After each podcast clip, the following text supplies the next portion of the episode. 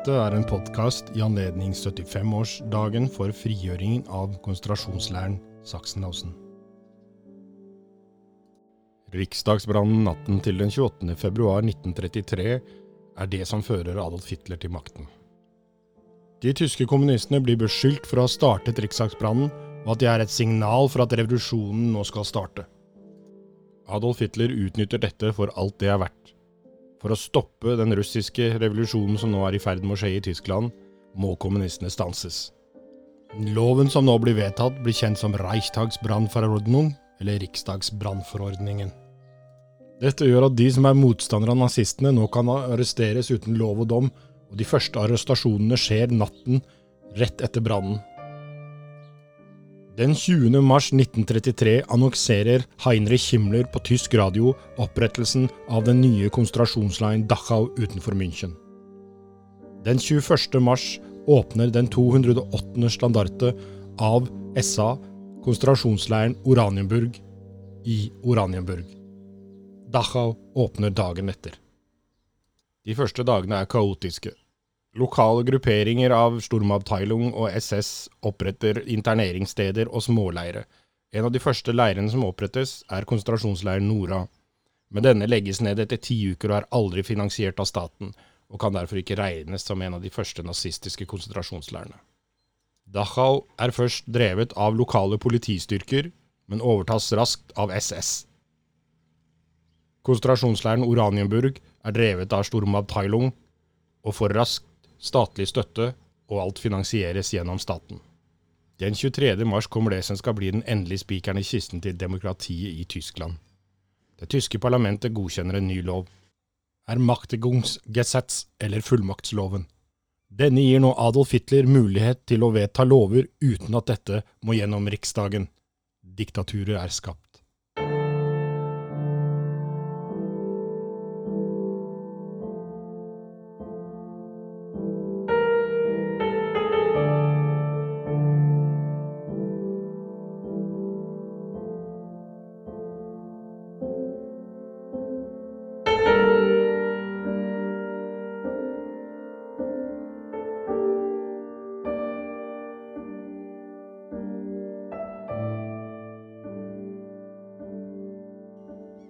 Sturmabteilung, SA, med sin leder Ernst Røhm, var i 1934 blitt for politisk sterke.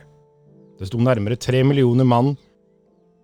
Ernst Røhm og ledelsen i SA ønsket at de skulle bli den nye hæren i Tyskland.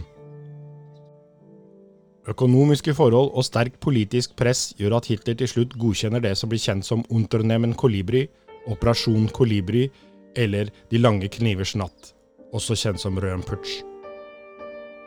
Natten til den 30. juni 1934, ledet av Adolf Hitler, ble ledelsen i SA, inkludert Ernst Röhm, myrdet. Samtidig brukte man muligheten til å kvitte seg med andre motstandere. Totalt ble ca. 519 drept den natten. Økonomiske forhold og sterk politisk press gjør at Hitler til slutt godkjenner det som blir kjent som Unternehmen Kolibri, Operasjon Kolibri eller De lange knivers natt også kjent som Røhmputsch. Natten til den 30. juni 1934, ledet av Adolf Hitler, ble ledelsen i SA, inkludert Ernst Røhm, myrdet. Samtidig benytter man seg av muligheten til å kvitte seg med andre som har stått opp imot Hitler og regimet. Totalt blir ca. 500 myrdet den natten.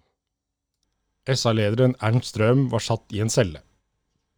Han får besøk av Theodor Eike og Ernst Lippert, og de legger en pistol på bordet hans.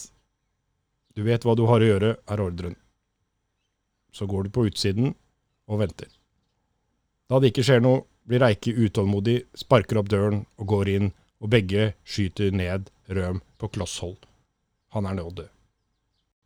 Stormabteilung SA fortsetter som organisasjon til krigens slutt, men mister sin rolle og betydning i det tyske riket. Nå er det SS og Heinrich Himmler som overtar alt ansvaret og politiansvaret for hele Nazi-Tyskland.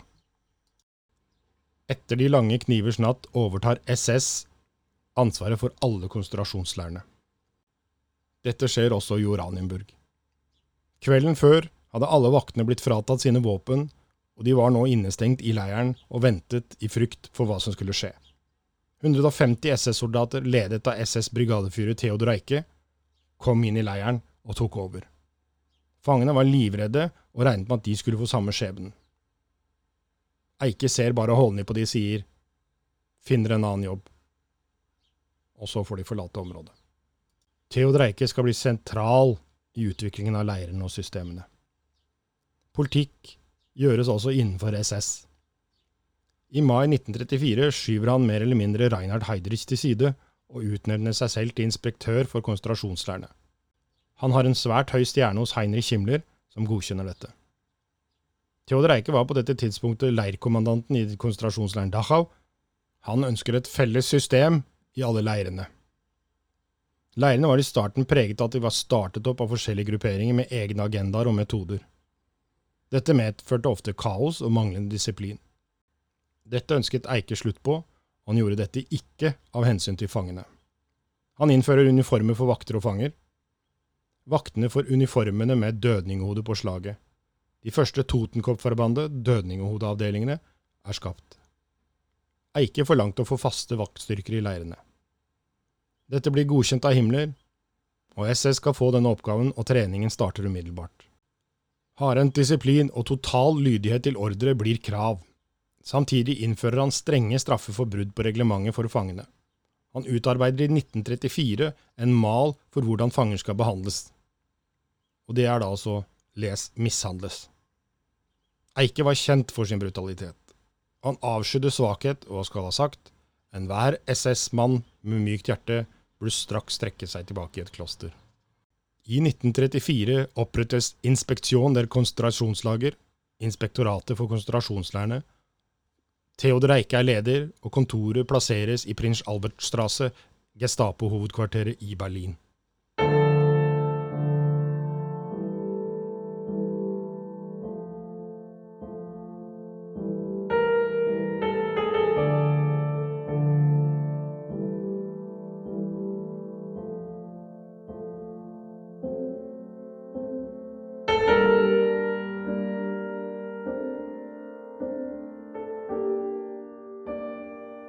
Heinrich Himmler har bestemt at det trengs en større konsentrasjonsleir nærmere Berlin. Heinrich Himmler og Theodor Eike, inspektøren for konsentrasjonsleirene, reiser rundt og rekognoserer forskjellige områder. De finner det perfekte stedet i et tett skogområde mellom byene Oranienburg og landsbyen Sachsenhausen. I juli 1936 overfører SS 50 fanger fra konsentrasjonsleiren Estevegen for å starte byggingen av konsentrasjonsleiren Sachsenhausen. Den første arbeidsoppgaven er å rydde tung skog. Theodor Eikes assistent i konsentrasjonsleiren Dachau, Michael Lippert, gis ansvaret for byggeprosjektet med Sachsenhausen. Sachsenhausen konsentrasjonsleir åpnet 12.07.1936. Dette var 19 dager før åpningsseremonien i de 11. olympiske sommerleker i Berlin den 1. august. Den nye leiren overtok raskt fanger fra andre leire som da ble overflødig, bl.a. Estervegen. I oktober 1936 overtar SS-standartenführer Carl Otto Koch rollen som kommandant. Koch har tidligere vært kommandant for det berykte Columbia House og Estervegen før han kommer til Sachsenhausen. Den 10. november 1936 skjer det første registrerte drapet i Sachsenhausen. Gustav Lampe var et kommunist og tidligere medlem av Riksdagen.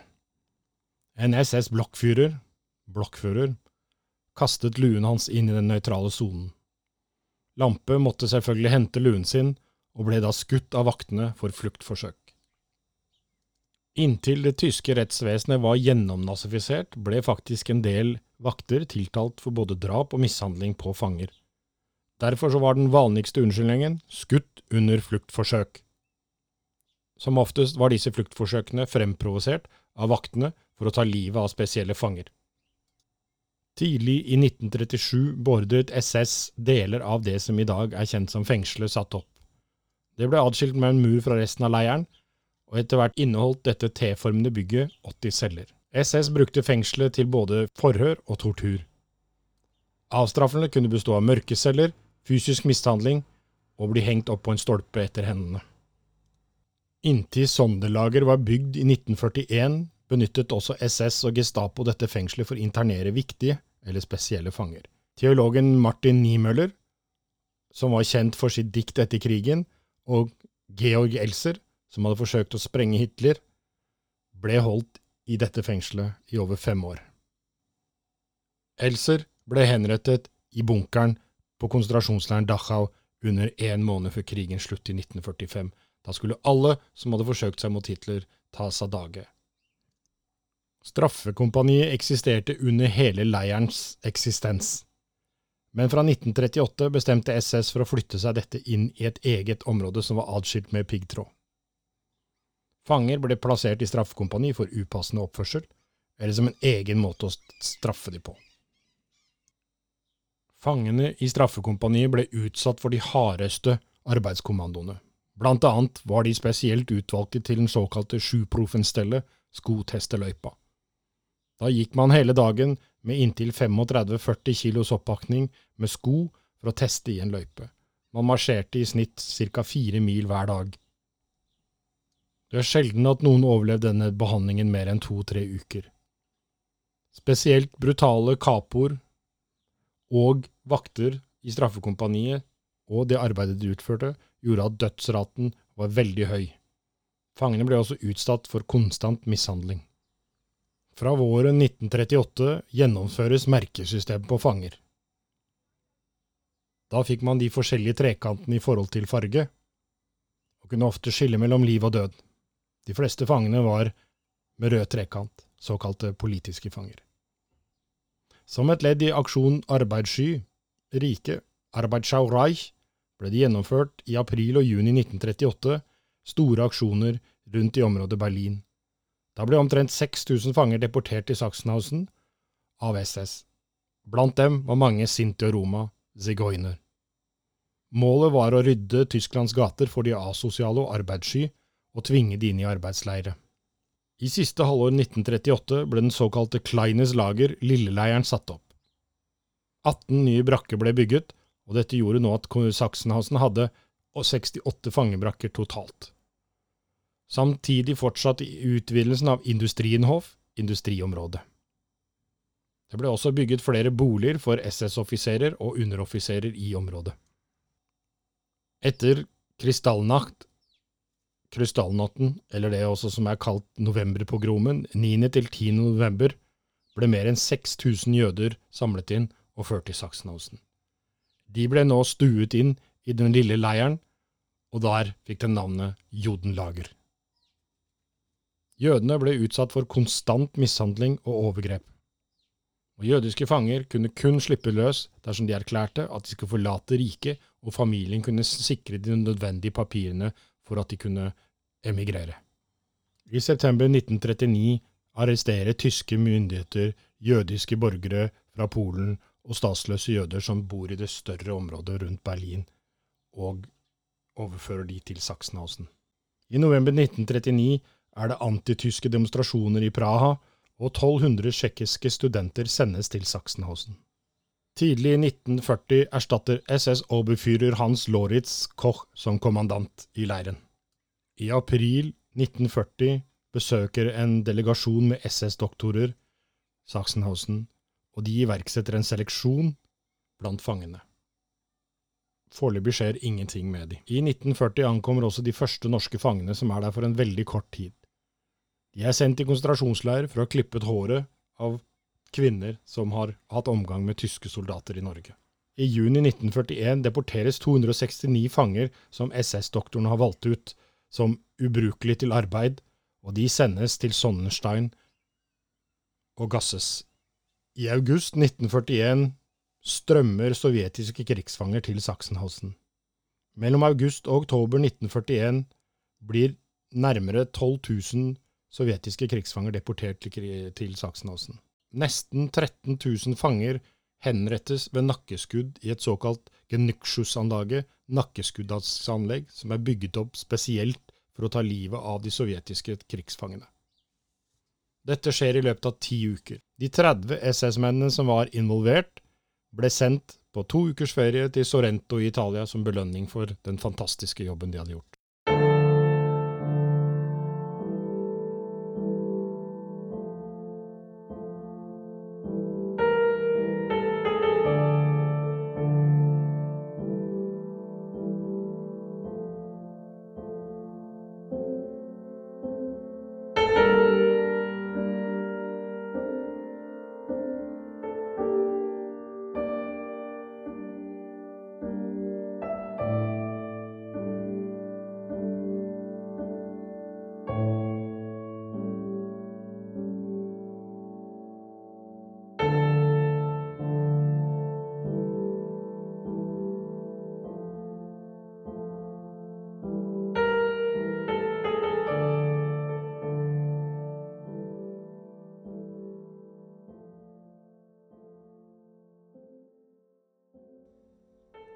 Fra 1942 starter norske fanger å komme til Sachsenhausen. Nesten alle er sendt dit i egenskap av å være politiske fanger. Anton Keindl blir den nye kommandanten. Drapsstasjonen i Sachsenhausen, stasjon Z, som er plassert i Industrienhof, utvides.